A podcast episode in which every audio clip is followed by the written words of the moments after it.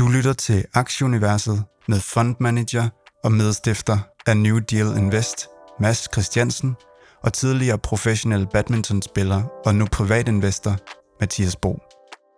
Velkommen til Aktieuniverset. We are living through an era of unprecedented change to our society as well as our economy. Make no mistake about it. Growth is not just a financial issue, it is a strategic issue. Velkommen til 159. 20. udgave af podcasten Aktieuniverset. Vi optager i dag 13. oktober, fredag den 13. Uh, ja. Klokken er omkring uh, halv fire dansk tid. Vi får selvfølgelig lige uh, amerikansk uh, åbning med. Og så derudover, så står den på lidt... Uh, markeds- og nogle delivery-nyheder. Vi skal selvfølgelig lige hurtigt rundt om de her CPI-tal, som kom i USA i går. Så har vi Peter Lisby fra China Experience med. Vi skal høre om deres netop øh, overståede tech-tour, hvor de var rundt og mødte forskellige øh, kinesiske virksomheder. Peter han fortæller altid med en øh, entusiasme, så det er altid en fornøjelse at have med, og vi spurgte selvfølgelig også lige ind til et par af hans øh, kinesiske aktiepicks, så man lige sådan selv kan sidde og holde lidt øje med, hvad det er.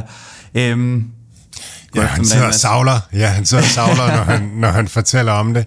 Men det er også, det er også en sjov historie, sådan et, lige at få det der indblik i, hvordan ser det så, så ud der, derinde. Og jeg sidder altid sådan og tænker, ah, er det ikke bare show off, når, når han bliver inviteret ind og sådan nogle ting. Men, øh, men, men jeg, tror, jeg, jeg tror egentlig, det er, det er altid det her med, at vi ved aldrig helt præcis, hvad der foregår, fordi hvert land har deres narrativ og deres historie, de fortæller og sådan nogle ting. Så jeg tror bestemt også, øh, at, at der er den anden side af det, at kineserne faktisk er langt øh, foran, og det giver Peter et, et godt billede af, i hvert fald på nogle områder. Mads, lad os lige prøve at kigge på de overordnede indeks. Endnu en god uge. S&P'en op øh, næsten halvanden procent. Det kan selvfølgelig forekomme ændringer i løbet af i dag.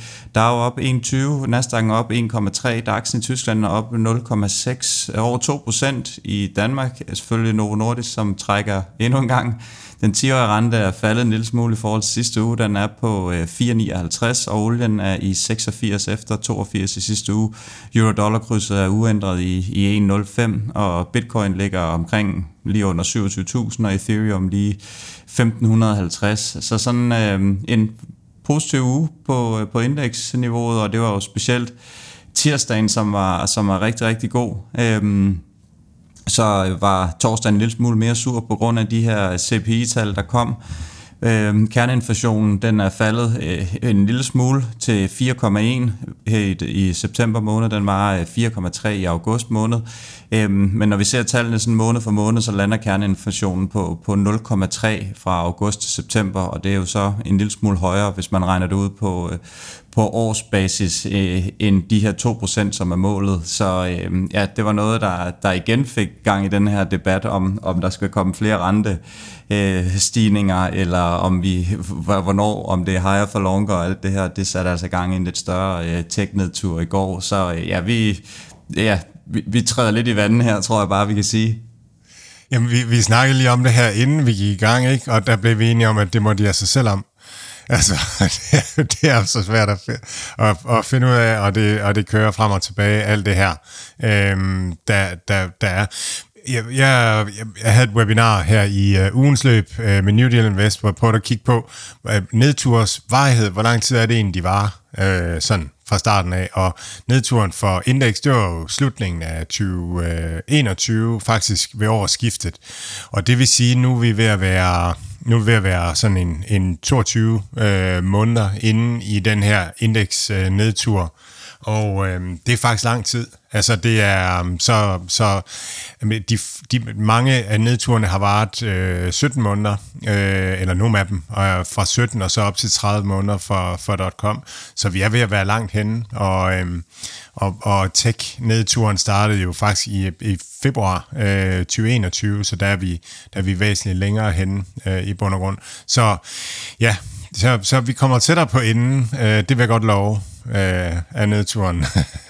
Ja. ja, det er jo de her sikkert ganske udmærkede opkøbsmuligheder nu her. Det er jo også, som for eksempel også på det danske indeks, så er det jo også ud over Novo ikke gået sådan super godt hele året. Der ligger også måske nogle danske kvalitetsselskaber, man kan kigge lidt nærmere på. Det er ikke lige vores spidskompetence, men der kan man jo prøve at høre nogle, øh, nogle tilsvarende podcasts, og så gå lidt i gang med at undersøge. Det virker også som om, at der er nogle af dem, som har taget en ordentlig tur nedad, som godt kunne fiske, som man godt kunne fiske lidt op. Det er da i hvert fald noget personligt, som jeg er gået i gang med at prøve at undersøge lidt, hvilke af de her, der, der er nogle muligheder i. Så øh, ja, det, det er rigtig spændende, og det er jo det, er jo det her, når det, når det gør en lille smule ondt, så gør det det måske jeg ved ikke, om man kan sige sjovere at være aktieinvestor, men det giver i hvert fald nu, man skal være på tæerne for at prøve at finde de her virksomheder, og, øh, og ikke være bange for måske at, at tage lidt chancer med nogle af de her ting her, og, og specielt tech, som, som har sat sig lidt tilbage i, i de her aktier, som vi taler om. Så ja, man skal være på stikkerne derude nu her, så tror jeg, man kan gøre nogle øh, gode handler på et eller andet tidspunkt, men men det her makro her, der må vi nok indse, at det kommer nok til at køre lidt endnu, og det virker også som om, der er nogle krige i øjeblikket, som ikke lige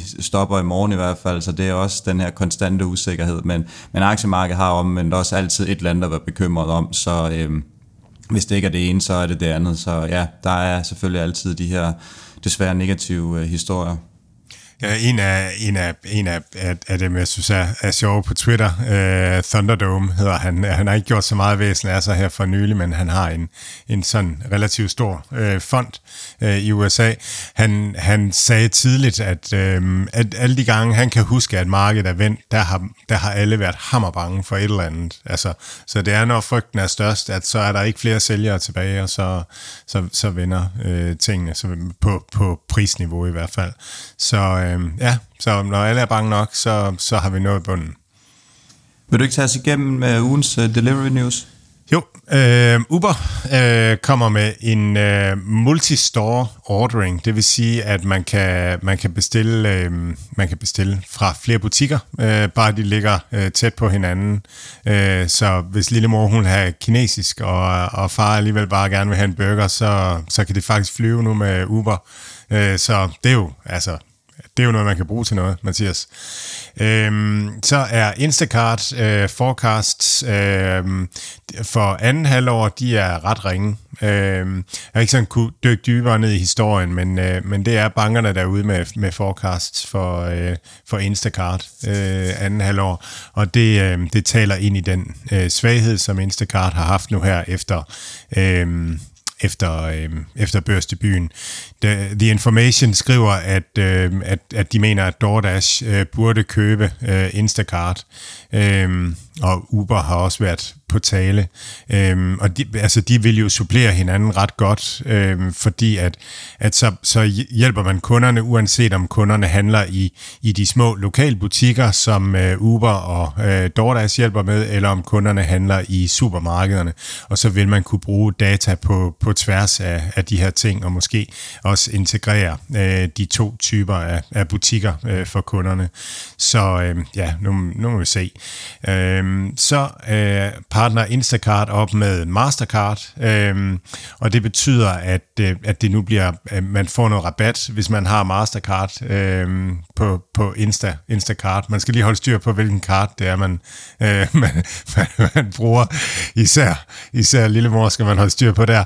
Øh, og så... Øh, Ja, og så og, og hvad var det også øh, Mastercard partner op med, det var Peacock, øh, den her amerikanske øh, streamingkanal.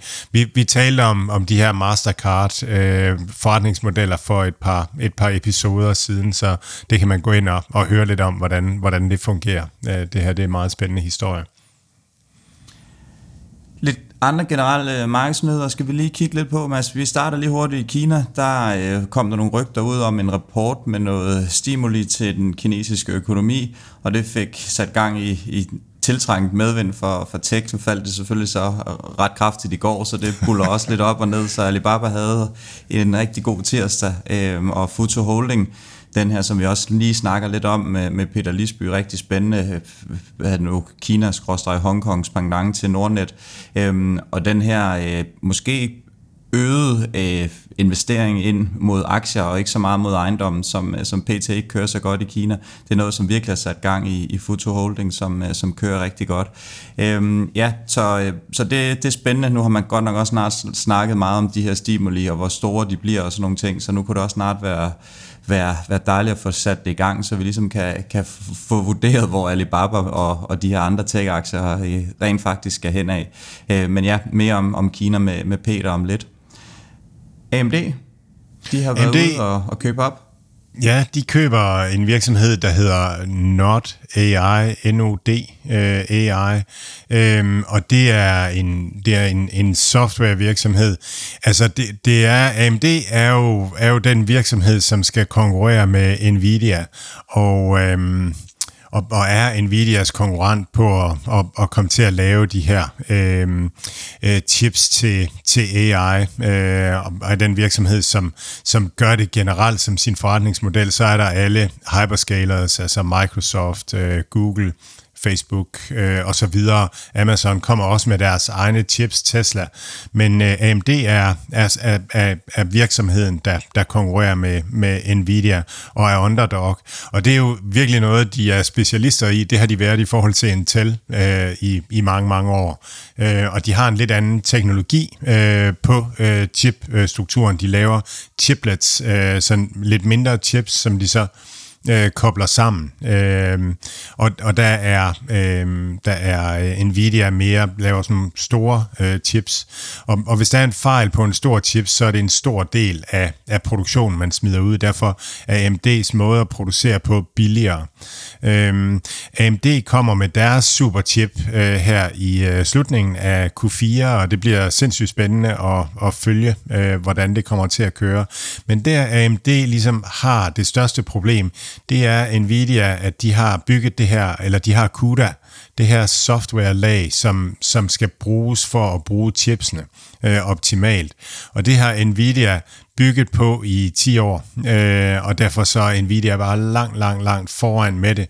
Og rigtig mange programmører, de ved, hvordan man bruger CUDA, så derfor er det Øh, hvis, hvis chipsene koster det samme, og, og koster det samme at operere, så er det alligevel billigere at bruge Nvidias chips, fordi at, at, øhm, at, at øhm, programmørerne ved, hvordan man skal gå til og, og, øh, og bruge Nvidias chips. Så øh, og det er det, det, som AMD skal prøve at, at løse. Og der har de jo som partner øh, blandt andet Meta og Google og, og alle de andre, fordi der er ingen, der ønsker, at øh, Nvidia de, øh, de løber med, med det hele og bliver, bliver for dominerende.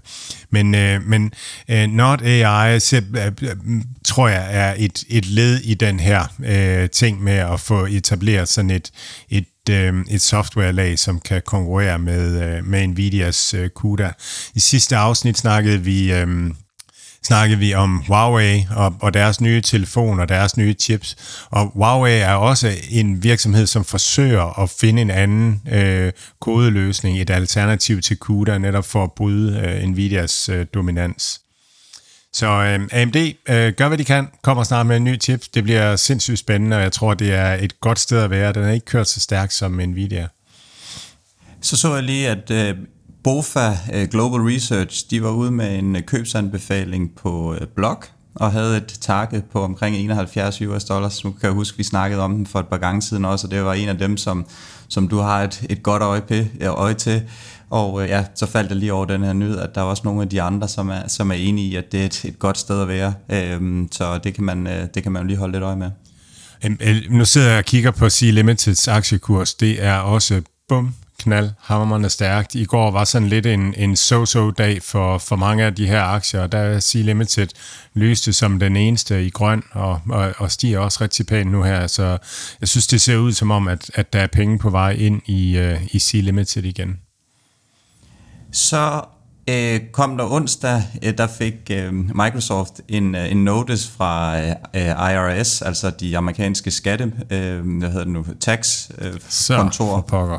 Ja, ja. De siger, de skylder 30 milliarder US dollars fra perioden 2004 til 2013.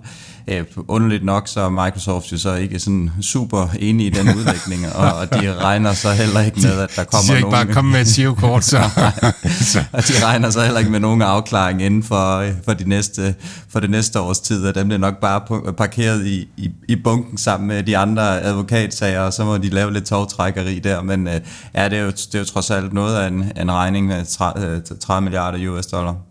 Hvis de har lyttet til Jens Scherning, så tror jeg lige, de venter på den næste inflationsbølge og venter sig med at, at, at betale den regning til der bagefter. Det ville være fornuftigt. Og så gav øhm, de øh, engelske regulatorer, de gav her i dag, fredag, øh, tommelfingeren op til det her køb af Activision Blizzard. Så nu tror jeg ikke, at der skulle være noget til hindre for, at, øh, at det kommer igennem. Og det var så uden den her øh, gaming øh, hvad hedder det nu, del, som så vil blive sorteret fra, som, som vi talte om tidligere også. Øh, men øh, det ligner nu, at, at de endelig kan komme i gang med den her 68 øh, milliarder øh, acquisition af Activision Blizzard. Så øh, ja, spændende, spændende tider for, øh, for det også. Ja, det er vildt. Altså, det er det bare. Hold da op, mand. Uh, ja, Microsoft, uh, det, er, det er virkelig... Det er virkelig de buller, vildt, at, de, de buller ja, derud af. Det, det gør de altså. Og de, de, får, øh, de får adgang til alle de der øh, øh, folk, som spiller Candy Crush, og alle de folk, som spiller Call of Duty, dem kan de øh, markedsføre øh, sådan relativt, eller mindre, mindre hindret, hindret overfor. Øh, ja, det er, det er vældig interessant. Og så skal Unity, de skal have ny øh, CEO. Ja, John Rick Ricciello øh, stopper øh, som CEO for, for Unity. Øh, der har været alt det her larm med, at man har er begyndt at forsøge at, øh, at, at sende regninger for øh, i lidt højere grad, når folk bruger deres øh, spilmotor. Øh, og det har skabt en, en masse på styr, en masse kritik selvfølgelig af dem, der skal betale regningen, fuldstændig ligesom Microsoft, så synes, så synes folk heller ikke, at, at man skal betale, eller at, at, at man skal til at betale mere lige pludselig. Øh, der er nogle af dem, som bruger øh, plat, altså alle bruger spilmotoren, eller rigtig mange gør, og, og de sammenligner det med, at, at man har kørt i en bil, og så lige pludselig så får man en ekstra regning for, eller man har købt en bil, og så får man en ekstra regning for de kilometer, man har købt tilbage øh, sidste år for i år, og, og, og skal køre fremadrettet. Så, så øh, ja, det har været upopulært. Han har også, øh, der har også sådan hele tiden kørt noget omkring, er der, altså at, at der er dårligt arbejdsmiljø, og øh, og ja, øh, sexual øh, harassment. Altså bare sådan, der har bare hele tiden ulmet noget, og jeg tror ikke, der er nogen, der sådan har tænkt, at at, at øh, John Riccitello var, var en del af bulltesen for, for Unity. Så måske er det, er det, er det tiltrængt, at, at der skal noget nyt til. Og så må man sige, det der med at tjene penge på, på platformen, der har man jo i hvert fald ikke været på forkant. Altså, det var noget, som, når man lige pludselig skal rive plaster af hårdt her, så var det nok noget, man skulle have været i gang med øh, i, øh, for år tilbage med at, at, at begynde at, at tjene penge på det. Fordi der er jo også det er jo også vigtigt, at man tjener penge nok til, at man kan udvikle øh, og, og, og lave nye produkter. Øh, og der står Unity sådan, sådan relativt øh, svagt. Så øh, det, det, øh, det tror jeg egentlig at netto er, er godt. Øh, en god mulighed for, for Unity-aktionærerne. Øh, jeg tror også, den er nede på et sted nu her, hvor den har, altså, den, den har været lidt længere nede end de her 30 dollar, men, men øh, det, man skal stadigvæk lige huske, at selvom at der er en masse støj og sådan noget, så er det spilmotoren for 70% af, af, af, af, af mobilspilsmarkedet, og, og det er den virksomhed, som mange kommer til at bruge til at lave simulering af, af alt muligt, øh, der skal simuleres derude. Så, øh, og de har den her aftale med Apple og sådan noget, så på et eller andet tidspunkt, så bliver det altså interessant. Ikke som, som den største position i porteføljen, men som et, et lille frimærke. Så kom øh, Birkenstock med deres IPO i onsdags. Man kunne komme til fadet for øh, 46 US dollars. Det blev ikke nogen bravende succes. Den falder også i dag. Øh, skilsmissesandalen, den, den ser ud til at og, og, og, og helt klare skærende. Uh, 12 faldt den i debuten. Det er sjovt, det her selskab, det startede altså i 1774, så 249 år efter, at de nu kommet på, øh, på børsen her. Det skulle, øh, det skulle meget sejt et eller andet sted, og jeg, jeg hørte også, at øh, jeg tror, folk har et eller andet øh, 3,7 øh, par, øh, altså i gennemsnit Birkenstock-sko i et eller andet, øh, så jeg har stadigvæk, øh, jeg har stadigvæk min første til gode i hvert fald, men øh, jeg glæder mig til at blive gammel. Det trækker også lidt ned her, jo. Ja, jeg vil sige, jeg glæder mig til, at jeg bliver modig nok til at bære sådan en birkensok med en, med en hvid, hvid, hvid tennissok ned på campingpladsen der, så, øh, så bliver der, så der ikke et øje tørt i hvert fald. Men, øh, men det er jo egentlig et, et super, altså det er jo sådan et, super solidt selskab, når det er 250 år gammelt, og når de stadig har sådan et. Så, øh, så det som jeg lige umiddelbart har bare hørt for at kunne forstå på vandrørene, det er, at de måske simpelthen bare var lidt for grådige med, med kursen, og deres øh, PE er også relativt højt i, i det her niveau her, men, men altså ja, det er bare noget, som, som det, det, det sandalens Coca-Cola, det, det kommer nok også til at være der de næste 100 år. Ja, så, altså, ja, ja, så, så, så skal jeg ikke drikke Coca-Cola. Øhm, du, du får et par af mig julegave, så, vil jeg, du, du skal, så skal du have dem på hver dag, når du tager på kontoret.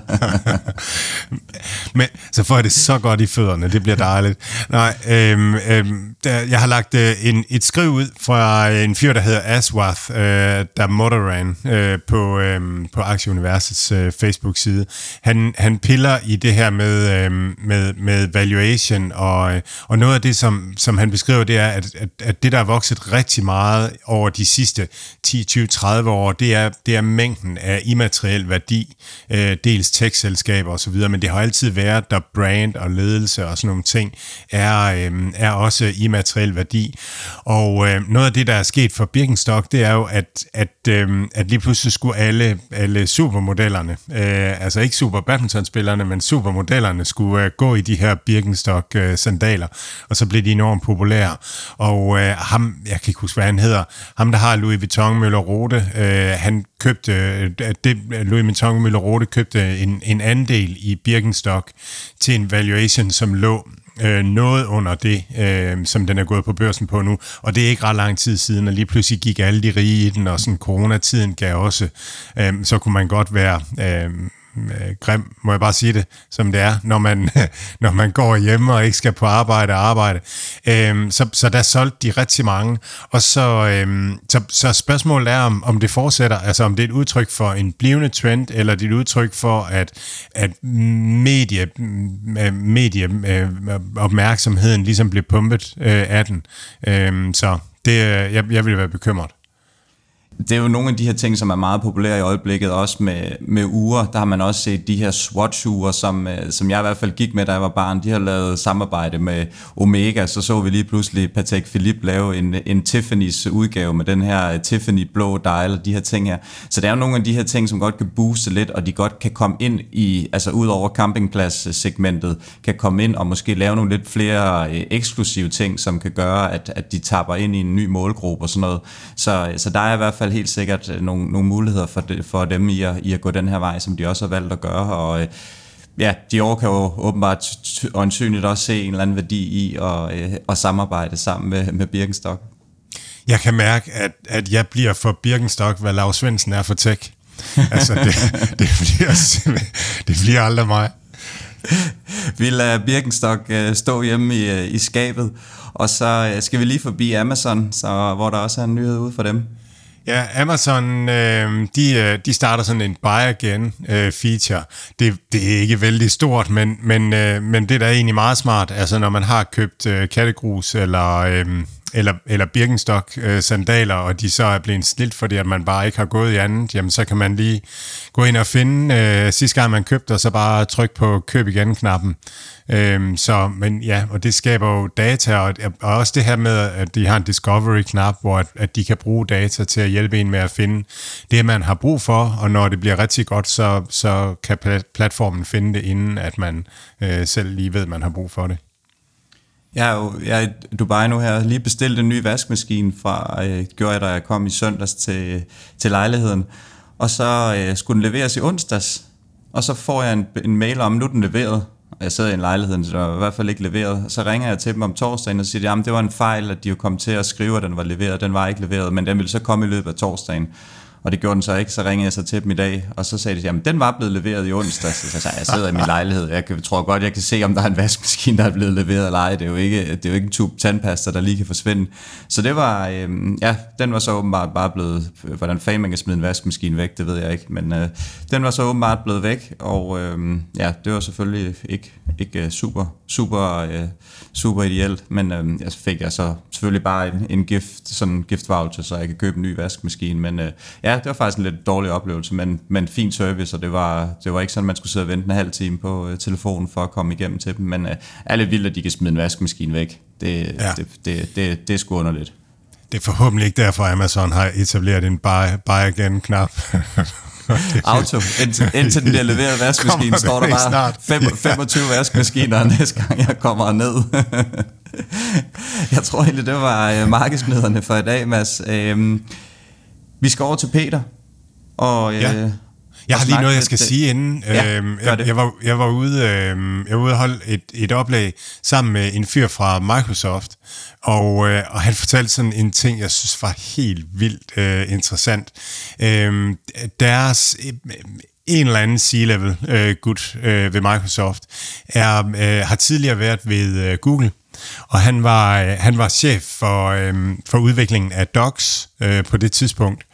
Og der var mange, øh, han fortæller, at der var mange, der var sådan, det der docs der, altså, hvad skal man med det? Og det virker ikke, hvis ikke man er online og sådan noget. Altså, det der, der er ingen, der kommer til at bruge nogensinde. Og så sagde han, han sagde til dem, vi hvad, om tre år, så, øh, så kommer det til at være sådan, at hvis det er sådan, man har en computer eller en telefon, og den ikke er online, så kommer man til at betragte den, som om den er gået i stykker. Øhm, og nu, øh, nu siger han så, øh, kommer han med en forudsigelse omkring, øh, omkring AI, hvor han siger, at om tre år, så vil ting, som ikke er øh, forbundet til AI, øh, det vil man opfatte som enten værende i stykker, eller være usynligt. Og, og i stykker, det er jo det der med, at der mangler noget funktionalitet. Men det der med usynligt, det synes jeg simpelthen også er så, det, det sad jeg tænkt længere over, det giver så meget mening. I dag, der bruger vi synet som, øh, som, som øh, bruger interface til, øh, til, til software. Øh, det er den måde, vi kommunikerer med software. Vi kigger på vores smartphone, og så klikker vi på skærmen og taster ting ind og alt sådan noget, skriver vores prompt og vores search og alt sådan noget. Men, men om måske bare tre år, så, så taler vi øh, til vores interface. Øh, så, så hvis ikke at der er AI på, så kan vi ikke tale til den, og så svarer det til, at den er usynlig. Fordi så sker der ingenting, så er det ikke aktiveret. Det er bare så tankeprovokerende at, at tale om, at det er usynligt. Fordi at vi kommer til at tale med det. Så det synes jeg var, det synes jeg var sindssygt spændende. Øh, ja. Men øh, ja, nok om det. Kina er jo foran, det skal vi høre øh, Peter øh, fortælle noget om nu her. Alt hvad Mads, Mathias og deres gæster siger, er deres egne meninger. Det er ikke finansiel rådgivning. Denne podcast er udelukkende ment som information og skal ikke bruges til at lave beslutninger om investeringer. Mads, Mathias og kunder i New Deal Invest kan have positioner i de virksomheder, der tales om i podcasten. Peter Lisby, vores øh, gode gamle kammerat fra China Experience, I har øh, ja, først og fremmest velkommen til. Ja, tak. Tak for det. Også velkommen fra mig, vores gode gamle kineser her. Det er, det er en fornøjelse at have dig med igen. I er jo næsten lige hjemvendt for den her uh, China Tech Tour, som I har uh, hvad hedder det nu, haft nogle erhvervsfolk fra, fra Danmark ude at se igennem. Det skal, vi, øh, det skal vi høre en masse om det er, det er jo altid spændende, og mig, som er overeksponeret mod Kina, er jo altid en, en stor interesse i at høre fra dig, og hvad du har ligesom set. Jeg har også været i Kina to gange, siden vi har talt sammen sidst, kan jeg jo så afsløre. Så jeg ja. har også lidt øjen, øjenvidende beretninger derfra, nok ikke helt så detaljeret som dine, men uh, lad nu det være. Det skal vi selvfølgelig snakke om, så det er Kina, der er, der er på menuen i dag. Inden vi kommer ned i, øh, dykker ned i de her selskaber, som, som I var ude og besøge og høre lidt om det, så lad os lige prøve at starte på sådan lidt mere makromæssigt niveau. Øh, vi hører om de her nyheder med lidt stimuli senest i starten af ugen her fra Kina. Kan du sådan gøre os en lille smule klogere? Hvad, hvad har du sådan hørt på vandrørene, øh, da du var derude? Jamen altså, vi, vi, vi var jo i virkeligheden øh, øh, nede i materien i forhold til at besøge virksomhederne, og når vi gør det, så er det jo altid lidt et show fra deres side, også i forhold til at fortælle, hvordan øh, virkeligheden øh, ser ud. Men jeg synes faktisk, vi fik et ret øh, detaljeret billede, fordi vi har sammenstykket et program, hvor der var en masse forskellige indfaldsvinkler. Og det vi startede med, det var faktisk en, øh, en økonom, øh, hvilket var ret interessant, en, en tidligere Morgan Stanley-økonom, som, øh, som vi samarbejder med, Andy Shear, som, som er meget åbenmundet og fortæller om, hvordan han ser på økonomien. Og ham har vi haft øh, relation til igennem mange år, hvor han har faktisk været ret negativ på økonomien. Og det, der var interessant, det var, at han var ekstremt positiv nu, øh, til trods for det, der sker i ejendomssektoren, øh, som jo var et, et stort tema, som der selvfølgelig var mange spørgsmål til. Og det her ligesom er ude at sige, det er, at, øh, at, at det er ikke holdbart, at så stor en del af økonomien er båret af ejendomssektoren, og det har man øh, indset i Beijing, og øh, huse er ikke for spekulation, de er til at bo i.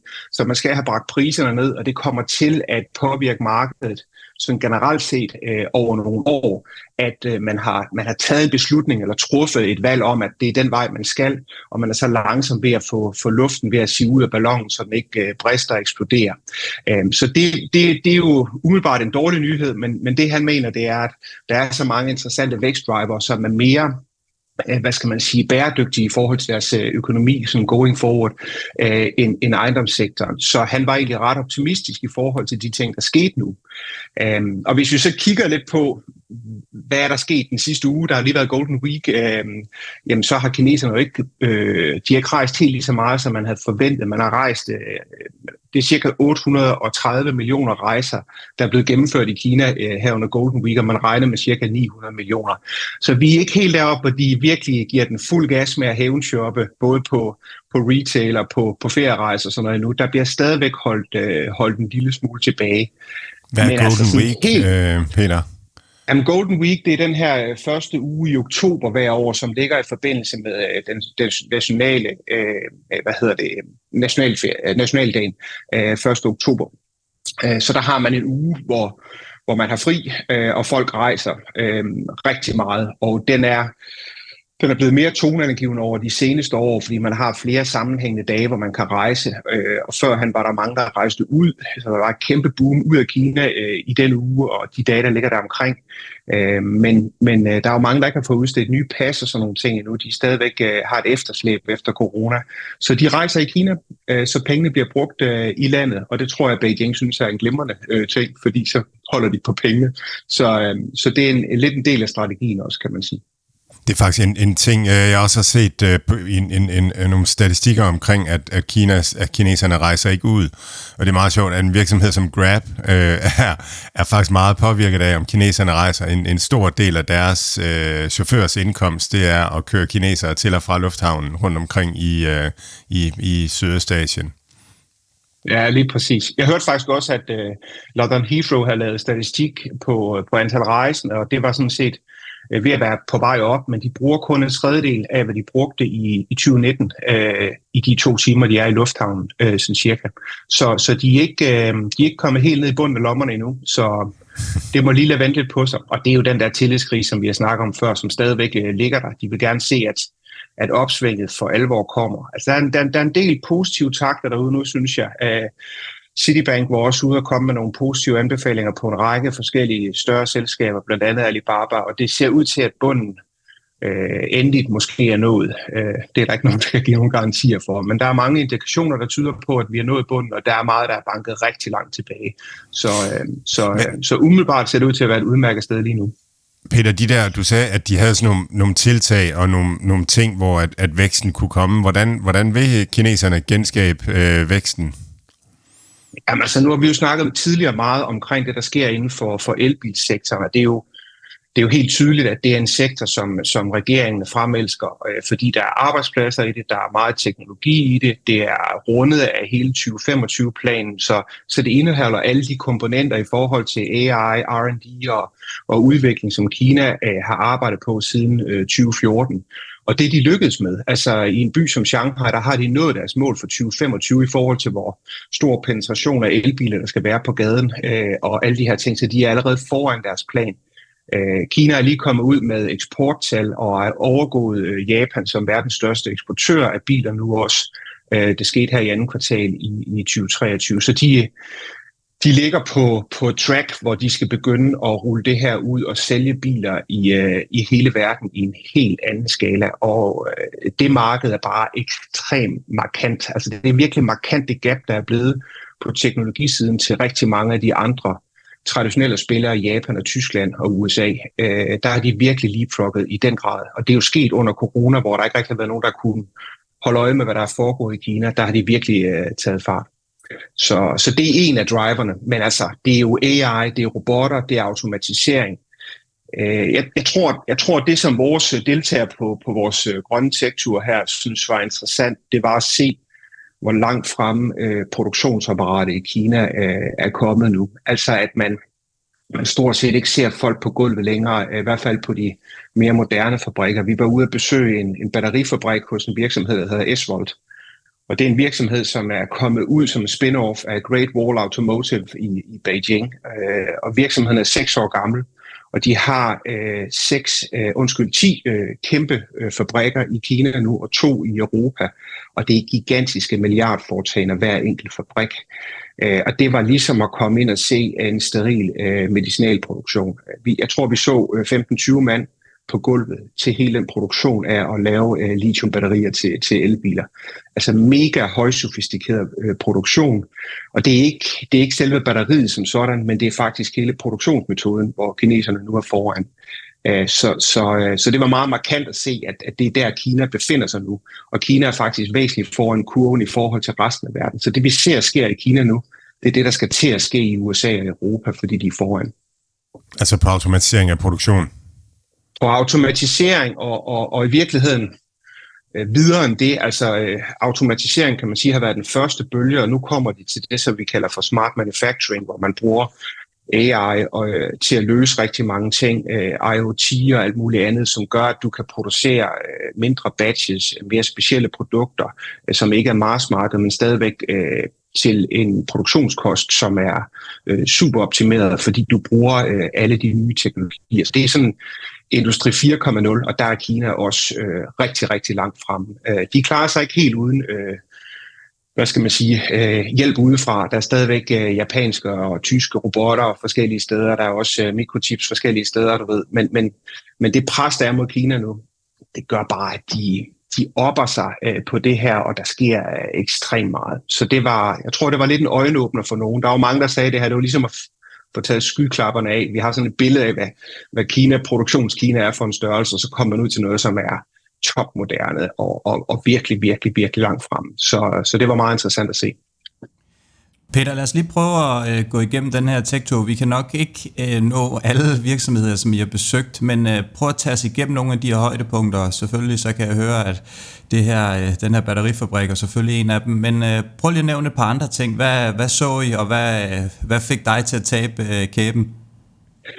En af de ting, som jeg synes er interessant, som også øh, har en, en, øh, en relevans øh, aktiemæssigt lige nu, det var, det var Ipan, øh, som er en, øh, en kinesisk øh, virksomhed, som laver flyvende biler. Øh, ganske enkelt. De laver droner, som er selvflyvende, de flyver på batteriteknologi. De har bygget et operativt system, hvor, hvor dronerne ligesom kommer ind og bliver automatisk opladet og, og ruller ud og bliver sendt afsted igen øh, i, en, øh, i et rutenetværk, kan man sige, som de er i gang med at etablere. Og øh, de står lige på kanten af at få deres øh, tilladelser. Der havde vi deres CFO, øh, Kona Yang, til at, at fortælle omkring, hvordan øh, deres forretning er struktureret, hvad det er for noget teknologi, de har, hvor langt de er fremme. Og de er ledende i verden øh, på det, de laver, og de står på kanten til at få øh, det her gyldne license, som kommercialiserer deres forretning øh, i en helt anden skala, øh, end de er på nu.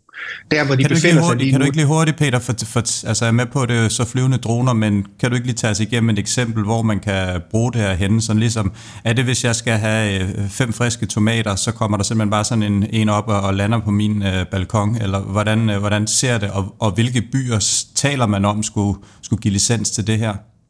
Det her, øh, det her det er passagerdroner, så det vil sige, det er en drone, hvor der sidder typisk øh, to personer i, øh, to personer og lidt bagage og sådan noget, så det, det er meget egnet til øh, hospitality, til, til rejseindustrien, til, til, til det, som de i Kina bruger det til i øjeblikket, til du ved, sådan scenic spots i forhold til for eksempel nu Golden Week.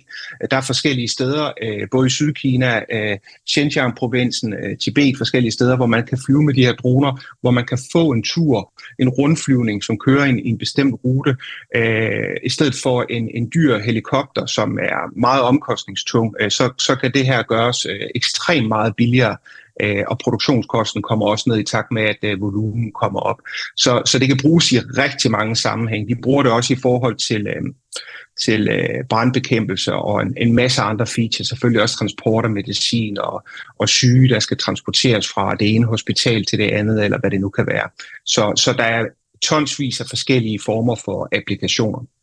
Og det, der er interessant, det er, at IHANG var ude her i mandags øh, på Nasdaq og bad om at få deres, øh, deres aktie øh, holdet, øh, altså stoppet for, for salg for ugen, for de havde en, en større øh, øh, hvad skal man sige, annoncering, som de kalder for Very Significant Development Regarding Its Business, øh, som så kommer ud her senere øh, på ugen. Og jeg tror simpelthen, at vi, vi befinder os der, hvor det vi hørte øh, for, for to uger siden, at det der sker nu, at de får øh, det første step af deres store license øh, til at at drifte øh, droneflyvning øh, i Kina i en større skala. Øh, så det er, det er super interessant. Det kan selvfølgelig ikke lægge hovedet på bloggen på, det er det, der sker, men, men det tyder rigtig, rigtig meget på, at, at, øh, at det er der, vi er. Og det, det som det her, det, det, det viste, det, bare, det viste egentlig bare også, hvordan regeringen i Kina evner at lave, øh, lave nye markeder. Altså apropos det, som, som Mads spurgte om før, hvor er driverne hen? Øh, det er tydeligt, at der er en masse driver inden for nogle teknologier, som vi måske slet ikke rigtig kan forestille os øh, i den vestlige verden, øh, hvor vi faktisk har nogle, nogle, øh, nogle folk i Kina, som har set, at her er der, her er der nogle markeder, øh, som vi kan tage ind i, hvor vi kan være first mover. Det er sindssygt vigtigt for kineserne at være first mover, fordi de altid har været bagefter på rigtig mange ting. At de nu kommer ud og er de første, der leverer på, på de her produkter, på de her løsninger, de her services, fordi det er med til at stimulere deres, deres selvbevidsthed i forhold til, hvad de er kommet til øh, teknologisk. Så det her var et, et, øh, et glimrende eksempel på, øh, at, at kineserne er på vej, og de er i front øh, inden for en, en ny sektor.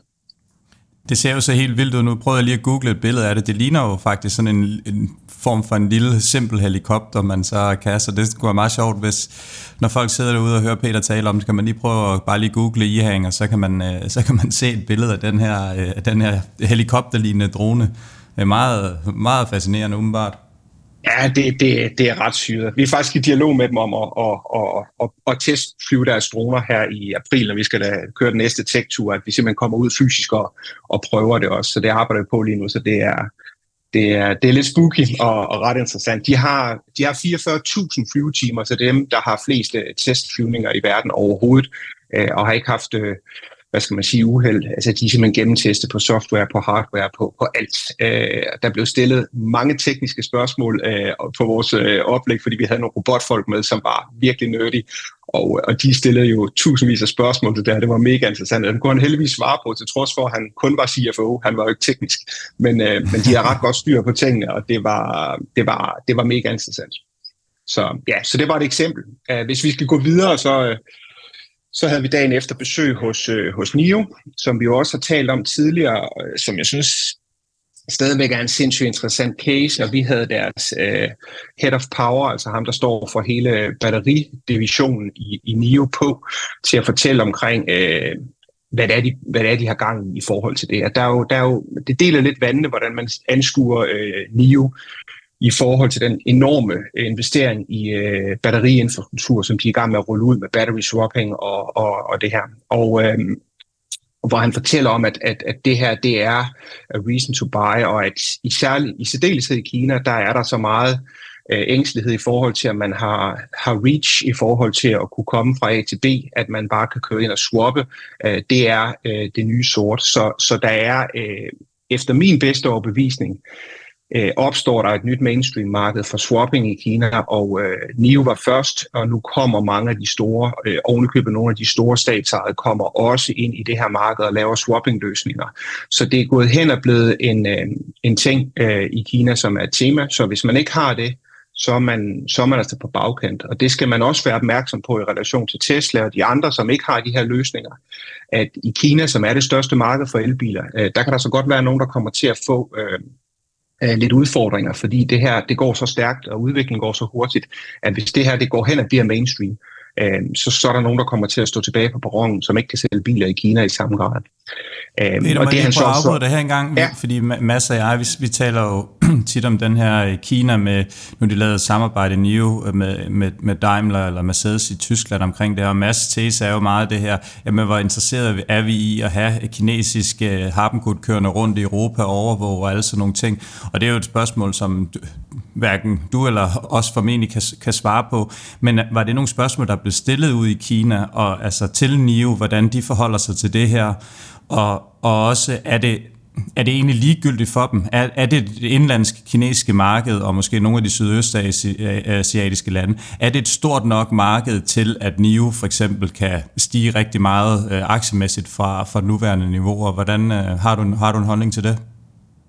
Ja, hvis vi tager det sidste først, altså jeg tror, jeg, jeg tror jo, at øh, altså, det er tydeligt, at kineserne og de kinesiske virksomheder evner at omstille deres økonomi og deres fokus øh, markant øh, hurtigere, end det gør øh, andre steder. Øh, fordi vi kan se allerede nu, at i første halvår, der er det første gang nogensinde, at økonomien i Kina, hvor de har eksporteret mere til det globale syd, de har til Vesten. Øh, og det er meget markant, fordi det er sket øh, forholdsvis øh, hurtigt. Det er selvfølgelig sket på baggrund af et pres, i særdeleshed øh, hele det pres, der er fra USA i forhold til teknologi og, og, og handel.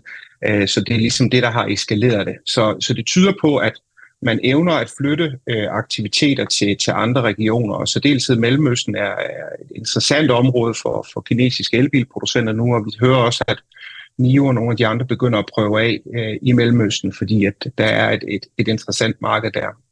Og der blev også spurgt ind til alt det her omkring øh, øh, teknologi og overvågning og det ene og det andet. Vi havde faktisk nogen med, som var, som var meget indsat i de her teknologier, som siger, prøv hvis, hvis, hvis kineserne vil overvåge, og det vil de, og hvis amerikanerne vil, og det vil de, så gør de det, og de gør det alle mulige forskellige steder. Altså der er ingen grund til at bruge bilcasen som et eksempel. Det er en del af det. Øh, det kan være rigtig mange andre ting. Vi kan starte med vores mobiltelefoner og alt muligt andet isenkram, som vi har haft i flere årtier, øh, som er produceret i Kina. I øvrigt så bliver det næsten umuligt at undgå, fordi der er jo stort set ikke det bilfirma, som ikke har produktion i Kina i dag. Altså en tredjedel af de Tesla-biler, der kører rundt på kloden i øjeblikket, de er jo produceret i Kina. Så, så det bliver rigtig svært at finde en løsning, hvor det ikke har en eller anden form for øh, applikation, øh, der har med Kina at gøre. Øh, så jeg, jeg tror simpelthen, at det her øh, det forsvinder øh, igen. Jeg tror, at der, det, kom, det vil komme op fra tid til anden, men jeg tror ikke, det bliver et bærende tema. Men det, det er kun for egen regning. Jeg kan, ikke, jeg kan ikke sige, hvordan det bliver naturligvis, men øh, jeg, jeg mærker, at der er rigtig mange, der er interesseret i de kinesiske elbiler, også fordi de kommer med en pristag og en kvalitet, øh, som er afsindig interessant. Øhm, og det er bare begrædeligt at se, at tyskerne de har sovet i timen og, og simpelthen ikke har, har været med øh, på udviklingen i samme grad. Så øh, det synes jeg er ærgerligt øh, for, for Europa og for Tyskland og for Danmark også, øh, fordi vi har stor øh, eksporthandel til, til den tyske bilindustri, men, men øh, det er nogle gange der, hvor vi er lige nu der kommer jo en, altså der kommer en EU, øh, EU er i gang med at lave det her AI-regulering, øh, og, og der, ja. der er Kina jo en af, altså en af de ting, man forholder sig til, hvordan, hvordan må Altså, hvordan må man øh, bruge data, hvem må lære data, hvem må have data og, og så videre, og hvordan sikrer vi os, at, at andre nationer ikke øh, lærer data. Så, så der kommer til at ske en masse øh, på det her område. Jeg, jeg, jeg synes, det er mega spændende, hvordan at, at øh, ja, ja, hvordan, hvordan, hvordan det kommer til at, at passe ind. Men er det, at, at, at tror du ser NIO øh, Europa for eksempel som et marked, eller, eller har de det ligesom øh, Big Tech måske har det med Europa, at, at det, det kommer nok aldrig til at ske? Nej, jeg tror bestemt, de ser det som et marked. Der har også været en masse diskussion omkring deres amerikanske aktiviteter, som de har skaleret ned, som jeg tror, at analysen har været rigtig. Altså, NIO har været meget kritiseret, fordi de har brændt ekstremt mange penge af på, på udvikling. Øh, og de ser absolut Europa som et, et kæmpe marked på den, på den længere bane, men man skal se NIO-casen som en langsigtet case. Øh, det, som vi også øh, hørte, det er, at de er i gang med at lave investeringer inden for en række øh, kerneteknologier, som de øh, indsourcer og laver in-house. Nu, øh, nu hørte vi så, øh, dagen efter vi besøgte dem, havde de øh, øh Tech Day i, i Kina, hvor deres CEO var ude og fortælle, at de havde lavet deres egen eller designe deres egen 7 nanometer øh, mikrochips til at styre øh, interfacen i bilen, altså selve instrumenteringen og de her ting, og connection til deres øh, mobiltelefon, som også lige er blevet lanceret. Og de kommer med en, en, øh, en 5 nanometer også øh, lige om lidt til at, at styre det selvkørende øh, i bilen, så de kommer ud over øh, afhængigheden af Nvidia, som er øh, monsterdyre, og øh, det er simpelthen deres strategi, at de går ud og laver de kernekomponenter, som er med til at, at, at holde prisen nede for deres bil på den lange bane, dem, dem er de simpelthen i gang med at, at indsource, og det koster ekstremt mange penge. Altså på Semiconductors har de 500 mand til at sidde og udvikle det her, og det er så faktisk Samsung øh, i Korea, som kommer til at producere chippen for dem. Øh, så det er et godt eksempel på, hvad det er, der sker lige nu i forhold til, øh, til de her kernekomponenter, som er ekstremt vigtige for rigtig mange industrier. Der er der simpelthen øh, brands i Kina. NIO er et eksempel, men i virkeligheden Alibaba, Tencent og Baidu og alle de andre, de laver også deres egne øh, mikrochips nu for at sikre selvforsyning øh, og sikre, at prisen på dem er, er den rigtige.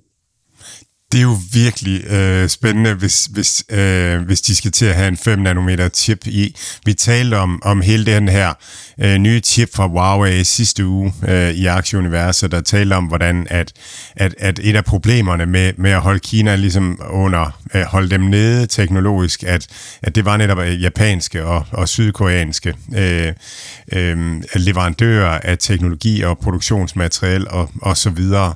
Øh, men men øh, det lyder Hvordan kan det være, at det fra Samsung ikke, ikke falder under øh, USA's øh, øh, eksportrestriktioner? Det lyder vildt.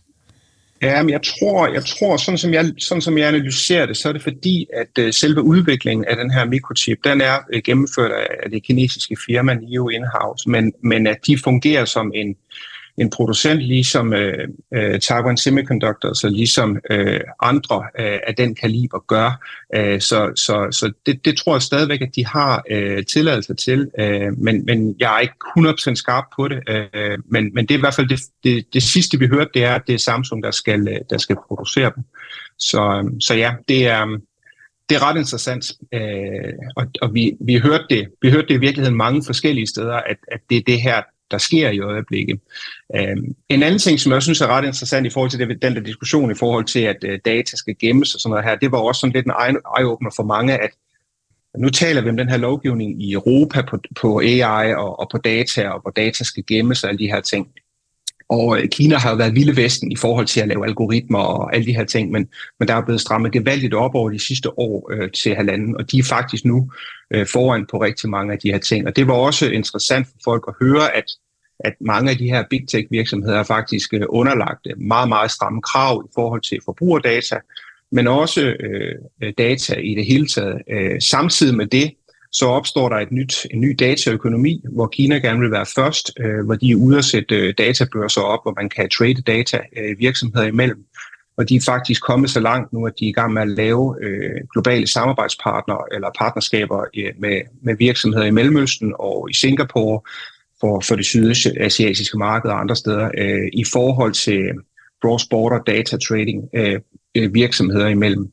Så der opstår en ny øh, data-AI-økonomi, øh, øh, som er mega interessant. Og der, sådan som jeg ser det, jeg er jo ikke hverken data- eller AI-ekspert på nogen måde, men jeg synes, det er meget markant, det der sker i Kina nu, og det, det, det tyder på, at de, de lægger afstand, og der, der opstår et større gap, i hvert fald i forhold til Europa, helt tydeligt øh, på de her ting, øh, hvor, hvor vi ikke længere kan diskutere, om Kina er, er på forkant eller foran. Øh, de er markant foran, øh, og de er simpelthen strategisk overlegne i forhold til at få eksekveret på det her, sådan at virksomhederne har, har grundlag for at, at vokse videre. Øh, og så var der mange, der spurgte ind til alt det grønne, fordi det var en grøn sektor i forhold til alle de her ting med, med grøn energi og, og hvordan med, med, med at kunne øh, agere som kinesisk virksomhed, når man er i et europæisk setup, fordi der skal man jo til at rapportere på de her scope 2 og scope 3 øh, mål i forhold til CO2 og sådan nogle ting i, i regnskabet, om Kina så vil øh, blive, øh, Kina-operationen vil blive belastet øh, af det, hvis man havde som dansk virksomhed en operation i Kina. Og der var så flere af os, der sagde, at det, de, tror, de, de mener faktisk, det bliver en fordel for dem at være der, fordi nu besøgte vi en provins for eksempel, som siger, at vi, vi kommer til at toppe vores mål for øh, carbon emission øh, øh, allerede øh, to-tre år før de nationale mål. i Kina, som er 2030, så det bliver omkring 2020, ja, 22, 3, eller undskyld, øh, 27, 28. Og det betyder jo, at virksomhederne, som har produktion i det område, som er 100% baseret på sol- og vindenergi, biomasse og andre ting, de kommer til at få et positivt aftryk i deres CO2-regnskab ved at have øh, produktionskapacitet liggende i Kina, fordi at øh, de er længere fremme med at udrulle grøn energi. Og det er jo også en interessant øh, jagttagelse i forhold til øh, det, vi hører i medierne, og det, der foregår i virkeligheden. Og øh, jeg synes, det er vigtigt at få det nævnt, og det er derfor, det er lidt en kæphæs for mig, fordi det er ikke fordi, jeg på nogen måde skal forsvare det, der foregår i Kina, men der sker en masse gode ting på den grønne omstilling, hvor de er langt foran. Og når vi er færdige med det her med Rusland, hvilket forhåbentlig snart skal, jamen så, så skal vi jo til at diskutere, hvordan øh, vores afhængighed øh, er i forhold til Kina på, på det grønne, fordi øh, de sidder simpelthen på den grønne omstilling på, på rigtig mange af de sektorer, hvor det tager 10-15 år at opbygge en industri. Øh, vi hørte det fra Esvold, som vi besøgte, øh, som er i gang med at anlægge øh, produktion i Europa, hvor de siger, jamen, i har faktisk råstofferne i Portugal, i Østrig, der er masser af steder, hvor I har råstofferne, men, men vi får at vide, at det tager 13-15 år, inden vi kan have et råstof øh, ude af, af minerne, som vi kan bruge til at lave lithiumbatterier af. Og det kan vi jo ikke leve med. Så vi bliver nødt til at sejle det ind, hvilket er fuldstændig absurd. Øhm, så, så, så det er den problemstilling, vi har, at vi ikke har, øh, har fået omstillet øh, hurtigt nok i forhold til at skabe vores egen grønne industri i Europa, som jo er skamligt. Øh, så kineserne sidder på det. Det er Elon Musks evige, øh, evige, øh, evige hvad skal jeg sige, kommentar på, på, når han er ude, når han laver earnings calls, det er, hvis der er nogen, der har lyst til at lave noget lithium, så skal I endelig bare gå i gang, fordi vi mangler det alle sammen, og det vil være en rigtig, rigtig god ting for alle, hvis I gjorde det, og hvis ikke I gør det, så skal vi nok gøre det, men vi har så meget andet, vi gerne vil gøre. Det er meget svært. Ja. Ja, fuldstændig. Ja, det er mega. Og, altså, det seneste på det, hvis vi lige skal tage det amerikanske, det synes jeg er mega interessant, fordi Øh, Øh, Ford for eksempel har jo været ude og haft øh, samarbejdsrelationer med flere forskellige kinesiske batteriproducenter. De er alt sammen blevet stillet i bero nu øh, i forhold til produktion af de her batteriplants øh, i øh, USA. Og det, det ender med, det er jo, at øh, de kommer til at lave det med koreanerne eller med japanerne. Og så trækker man noget konkurrence ud af markedet, så kommer de til at få en, en, en højere kost på det, og så er de ikke konkurrencedygtige på det globale marked, fordi de ikke øh, bruger det fulde marked øh, potentiale, der er derude. Og det er der selvfølgelig noget handelstaktisk i, fordi det er dem, der vil have positionen i forhold til, til Kina. Problemet er bare, at gabet er blevet så markant stort, at amerikanerne har ikke den her teknologi selv. De kan ikke gøre det her selv. Øh, så det er, det er en udfordring for i særdeleshed i USA. Europa og Kina har en bedre samarbejdsrelation på de her ting, og har forstået, at der er nogle, kompetenter, øh, nogle, nogle øh, kompetencer i Kina, som vi ikke kan undvære, og dem er vi nødt til at, at indså insource, og så laver vi øh, ja, det meste af de andre ting øh, selv. Så ja, spændende dynamikker på, på det der område. Inden vi slipper dig helt, Peter, kunne jeg selvfølgelig godt lige tænke mig at høre øh, lige lidt til dine egne Kina-investeringer. Øh, jeg behøver ikke at nævne dem alle sammen, men var der nogle nye nogen, som du har tænkt dig at købe efter turen her, eller har du bare suppleret op i, i dem, du har haft hele tiden, og, og du løftede sløret lidt for, at jeres analytiker, han var, til trods for alle de negative øh, nyheder, der er i øjeblikket med Kina, så var han positiv, så har du stået og, og kværnet Kina-aktier ned i kæften på øh, lillemor og dig selv? Nej, det har jeg ikke. Jeg, jeg er fuldt investeret, så jeg har ikke så meget ryg med, for, for at være helt ærlig. Det er muligt, det er muligt at jeg laver nogle små, øh, nogle små tilpasninger, men jeg, jeg, jeg har jo lagt mærke til Futu, som jeg også ved, du er begejstret for, øh, har et, et, et, Ej, den kører udmærket, lige øjeblikket. et udmærket flow lige nu, og, og Nio, øh, Nio har selv været ude at sige, at de, de tror, at, at bunden er noget. Altså for, for tre måneder siden havde jeg var jeg 30% op på NIO, og nu er jeg 30 nede. Ikke? Så, så det, er jo, det er jo, som det er, og det er jo ikke et udtryk for øh, deres performance øh, i markedet. Øh, slet ikke endda. Øh, det er jo et udtryk for, at indekset også og hele sentiment omkring Kina har været med til at, at tage luften ud af ballonen. Altså, der er trukket rigtig mange amerikanske øh, øh investeringer ud af Kina. Øh, og jeg tror, at, at den fortælling, den kommer ikke til at stoppe. Jeg tror, at den fortælling, den kommer til at fortsætte ind i, i det nye år øh, fordi vi går ind i et amerikansk valgår, hvor, hvor hele China-bashing-historien den bliver øh, markant. Og det tror jeg bare er vigtigt, at man skal kunne kigge igennem det øh, og se, øh, hvad der er op og ned i ting. Øh, der kommer til at ske en masse spændende ting i Kina, øh, og, og, og mange af de virksomheder, som jeg er i, det er virksomheder, for eksempel Alibaba, øh, de, de kommer op igen. Jeg er slet, slet ikke i tvivl om det. Øh, måske en lille positiv indikation kunne være, at, at de nu også hos Alibaba har været ude at sige, at de vil øh, øh børsnotere øh, China, altså deres logistikselskab i, øh, øh på, på børsen i Hongkong. Og øh, jeg tror, da vi talte sammen sidst, der var meldingen, at øh, de ikke ville gøre det, fordi at øh, de mente simpelthen, at markedet var for dårligt. At de mente ikke, de kunne rejse kapital. Øh, tanken er, at de stadigvæk vil øh, holde cirka 50% af aktien øh, på, på Alibaba hænder, og så øh, skaffe kapital ved at sælge den sidste halvdel. Men øh, jeg tror ikke, de tænkte, at de kunne få prisen, og det mener de åbenbart, at de kan nu. Så der er noget, der tyder på, at sentiment i markedet øh, har vendt en, en lille smule. Øhm, og det du startede med at spørge til, Mathias, altså store stimuli, der kommer lidt hist og pist. Jeg tror, at øh, tiderne for de store stimuli er, er over. Jeg tror, at Kinas analyse er, at de står med et produkt på den lange bane, som er godt nok til, at det kan holde. Altså, det er core AI hele vejen igennem. Alle de virksomheder, vi har besøgt, det er virksomheder, som alle sammen har arbejdet dybdegående med AI i over 10 år. Så selvom vi først lige har hørt om ChatGPT, altså vi besøgte for eksempel Pinger, øh, som, som har haft en lignende chatbot for, for, for ni år siden. Vi besøgte Baidu, som havde deres første chatbot øh, øh, af den her kaliber for seks år siden. Så du ved, øh, de har arbejdet med det her i så mange år, og det, det er hele industrien i Kina gennemsyret af, at den er topoptimeret øh, med AI. Øh, så, øh, så jeg tror, at jeg tror i virkeligheden, at de kommer, øh, kommer godt med nu. Øh, de er tungt investeret, de investerer massivt i produktionsapparater og alt muligt andet, og nu kommer der så en, en tid, hvor de forhåbentlig skal til at høste, hvis de ellers kan få kunderne ind i butikken. Og øh, det, det tror jeg faktisk, de evner. Jeg vil lige balancere en øh, aktiesnak en lille smule øh, med, med, med, med min, min sådan, for, fordi jeg, jeg, jeg, jeg skis med negativ øh, kinesiske aktier, har, har været det længe, øhm, og, øhm, og, og, og så har jeg et spørgsmål til dig inde på det, Peter. Men, men grunden ja. til, at jeg er negativ, det er, at jeg tror, hvis man ser på, øh, altså ser på dollar float, fra kinesiske virksomheder, som er blevet børsnoteret i USA, så har det altid været et flow ind i Kina, øh, sådan at virksomhederne har rejst penge, som de har kunne bruge øh, til ting, og så er der aldrig rigtig sådan blevet betalt udbytter. Tencent har betalt udbytter i dollars, men ellers mm-hmm. er der aldrig rigtig øh, flå, altså kom dollars øh, den anden vej. Og det, øh, det kræver, som jeg ser det, en af to ting. Enten at de kinesiske virksomheder tjener øh, penge i dollars, og det har Tencent jo gjort, fordi at man har haft spilindustrien, øh, som man har tjent dollar på ude i verden. Øhm, og så skal man have lov af den kinesiske regering til at udbetale udbytte i dollars. Eller også så, så skal det jo være fordi, at, at indtægter i i yuan ind i Kina øh, kan blive vekslet til dollars og så udbetalt til, til amerikanske eller udenlandske aktionærer. Og, og, og jeg ved ikke lige, hvordan ser det egentlig ud med, med kinesernes sådan betalingsbalance i forhold til, til udenlandsk valuta, dollars og sådan noget har. Altså, øh, hvordan ser det ud? Er det til, er det til for kinesere og for dollars og, øh, og sådan noget?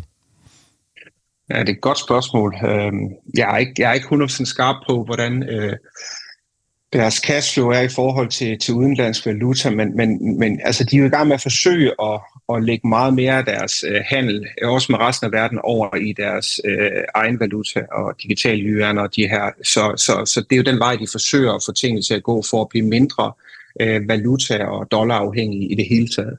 Men det er ikke mit indtryk, at de har manglet øh, dollar øh, øh generelt set.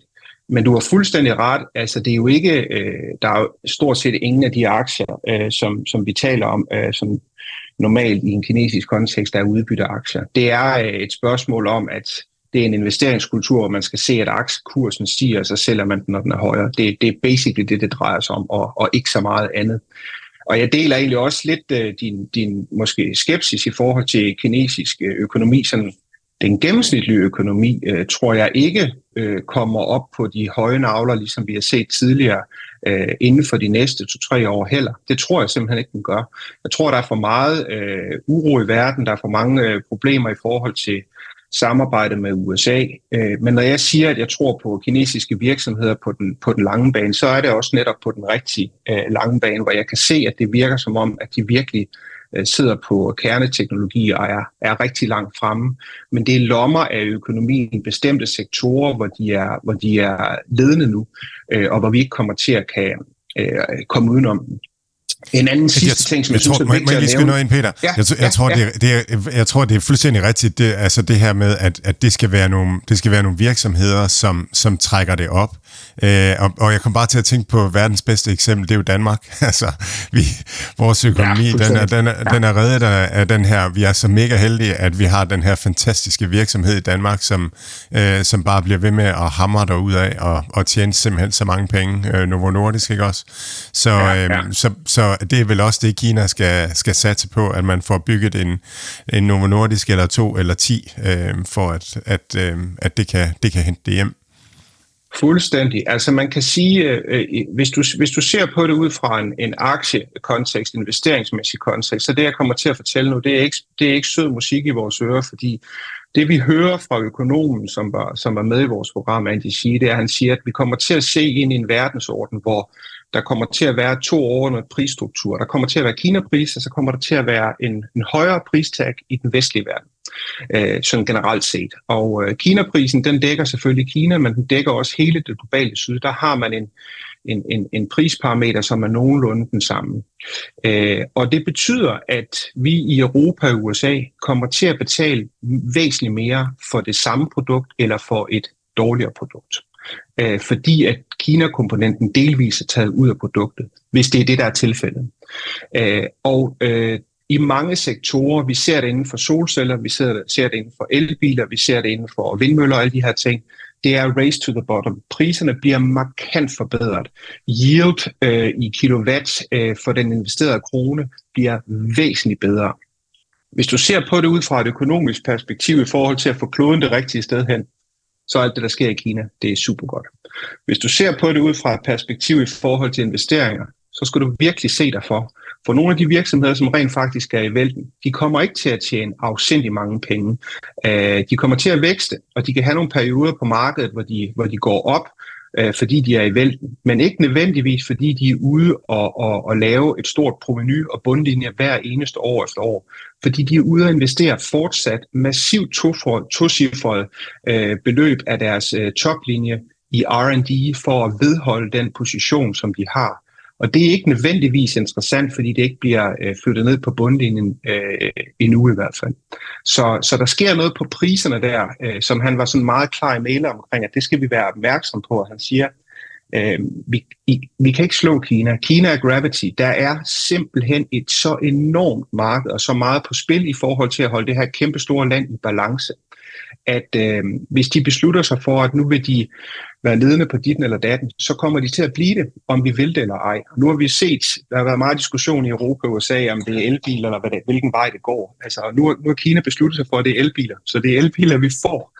Og nu får vi nogle rigtig billige og gode elbiler, fordi det kinesiske marked har besluttet sig for, at det er det, vi skal have.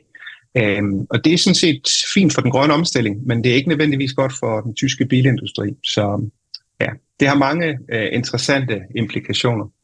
Der er mange ting efter den tyske bilindustri. Jeg, jeg kommer sådan til at tænke på, sådan, hvis man ser det, du siger her i sådan en historisk kontekst, ikke, så, så hele Kina-historien i øh, nullerne øh, var jo baseret på, at, at europæiske og vestlige virksomheder udlip, ud, ud, øh, øh, eksporterede deres produktion til Kina. Så vi har jo egentlig ja. givet Kina 20 års øh, øh, træning og ekspertise i at organisere øh, produktion på, på en, en rigtig, rigtig god måde, så det giver jo sindssygt god mening, hvis det er sådan, at kineserne bare er, bliver en supermagt med hensyn til, til produktion og altid vil kunne gøre det billigere. Og, og, og som jeg forstod det, så er det det, du mener, når, man tager, når du siger det der med, at man tager Kina ud af priserne, så, så stiger ja. priserne. Ja, det er det, og det er jo sådan som jeg ser det, så, så, øh, så, så kan man ikke sige vestlige priser en til en heller, øh, fordi jeg ser det måske en lille smule nye, mere nuanceret.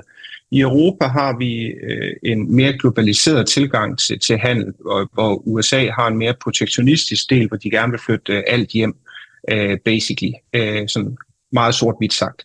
Øh, og det kommer til at, at komme med en pris, øh, fordi amerikanerne ikke kommer til at kan levere øh, det produkt, som den amerikanske forbruger er villig til at betale.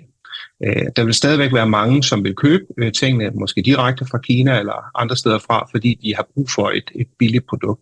Så jeg tror i virkeligheden, den strategi, man er i gang med i USA, Det er jo selvfølgelig et spørgsmål om at få bygget deres egen industri og sådan noget op, men det kommer til at tage ekstremt lang tid. Og inden for den grønne omstilling, der er det simpelthen ikke tid, vi har. Altså, øh, det, det, det, det er rigtig en rigtig stor forsinkelsesfaktor, der kommer i særdeleshed på den amerikanske omstilling øh, til grøn energi. Og det tror jeg, når vi kommer frem til 27 og 28 og sådan noget, at så bliver det markant og tydeligt for enhver, at der står øh, nogen, det er lidt som kejsernes nye klæder, de har ikke noget tøj på et over.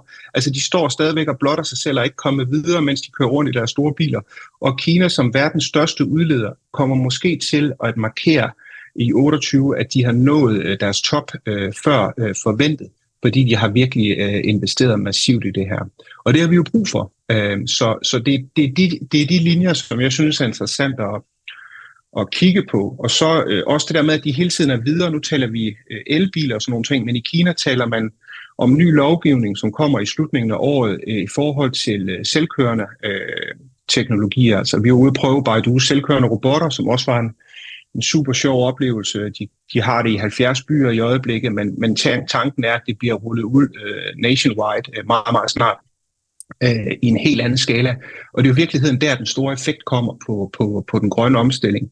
Øh, så de er, de er videre. Øh, vi taler ikke længere om, det skal være el. Altså, det er elektrificeret. Nu taler vi om, om det er selvkørende, om vi slipper for, at der skal sidde et menneske bag rattet, øh, om vi kan dele det, om vi kan gøre det på smartere og mere dynamiske måder, hvor man ikke behøver at eje det, men bare bruge det. Altså, så de er, de er langt foran på hele det her øh, i forhold til dataøkonomi og AI, og bruge den teknologi. Øh, alle surveys viser også, at, at folk ikke bare i Kina, men i hele Sydøstasien, øh, embracer øh, AI og ny teknologi på en helt anden måde, end vi gør i Europa, og endnu tydeligere i forhold til USA. Øhm, og det, det tror jeg simpelthen er en, en faktor, som spiller ind, at de kan gennemføre de her ting øh, på en måde, hvor folk accepterer det, fordi det gør deres liv bedre. De kan se øh, nytteværdien af det, de kan se, at de får bedre og billigere løsninger, ældrepleje, alle mulige andre ting kan håndteres. Øhm, I stedet for, at de skal til at betale mere i skat, så bruger man teknologi til at, at løse nogle af de problemstillinger, som der er. Øhm, og det synes jeg bare er blevet meget tydeligt for mig, at, at det er der, det kinesiske samfund er på vej hen. Altså, det bliver ikke skønt, der kommer til at være en masse bump på vejen. Men nu prøver de at være first mover på en, på en række forskellige ting, og det synes jeg er ekstremt inspirerende. Peter, som altid en øh, kæmpe fornøjelse at have dig med. Vi vil lade dig øh, slippe her. Tusind tak for øh, din indsigt, og øh, ja, det, vi glæder os til at høre mere om din, din næste tur, som du påtænker at gøre i, i start i april. Var det sådan, du sagde? Ja, vi kører igen i april. Det bliver lidt andet format. Vi laver lidt, lidt små, små tilpasninger. Vi skal have noget, noget pharma AI tech ind over os, men, men uh, ja, det bliver et super fedt program i april også. Så ja, det kommer jeg gerne tilbage og fortælle lidt om, når vi, når vi har uh, tingene på plads. Præcis, vi regner med at have dig med inden, uh, inden den tur. Altid. Super tak spændende, Peter. Tak. Tak selv. Hej hej. Så lige til opfølgning med den her snak med Peter, der fik jeg sendt han lige en øh, besked her. Vi optog med Peter torsdag og øh, ja, i går. Øhm, og der sendte han lige en besked, at IHANG har fået deres licens til at, at flyve med de her mennesker, så den øh, steg 45 procent i, i premarkedet. Jeg tror, den er op omkring 30 procent nu her, så øh, der skulle vi, vi skulle lige have haft dem på lidt tidligere, så man kunne have nået at, at være med på den, men øh, ja, det var i hvert fald en, en flot, øh, flot stigning til, til IHANG her i dag fredag.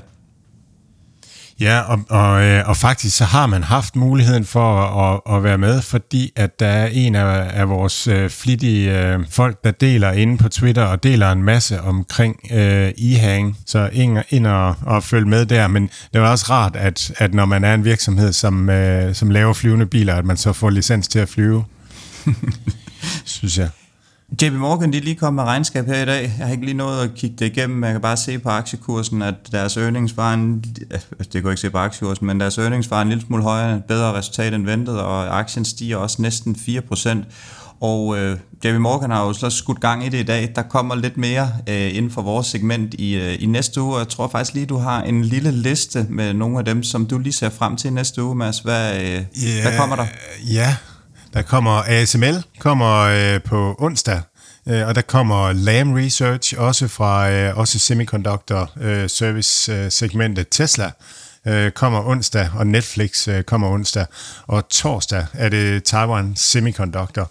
Jeg er lidt spændt på Taiwan Semiconductor, det her med, med deres forecast for, øh, for chip øh, efterspørgselen og og specielt, øh, specielt om, man kan læse noget ud, af, noget ud af, hvad de forventer for, for Apple øh, fremadrettet. Det bliver i hvert fald spændende at komme i gang med regnskaberne igen. God start her fra, fra JP Morgan i dag. Vi håber, at Tech kan følge trop i næste uge. Jeg tror kun, der er tilbage at ønske øh, god weekend til lytterne, og god weekend til dig, Mads. Og vi er selvfølgelig tilbage igen i næste uge. I lige måde, Mathias.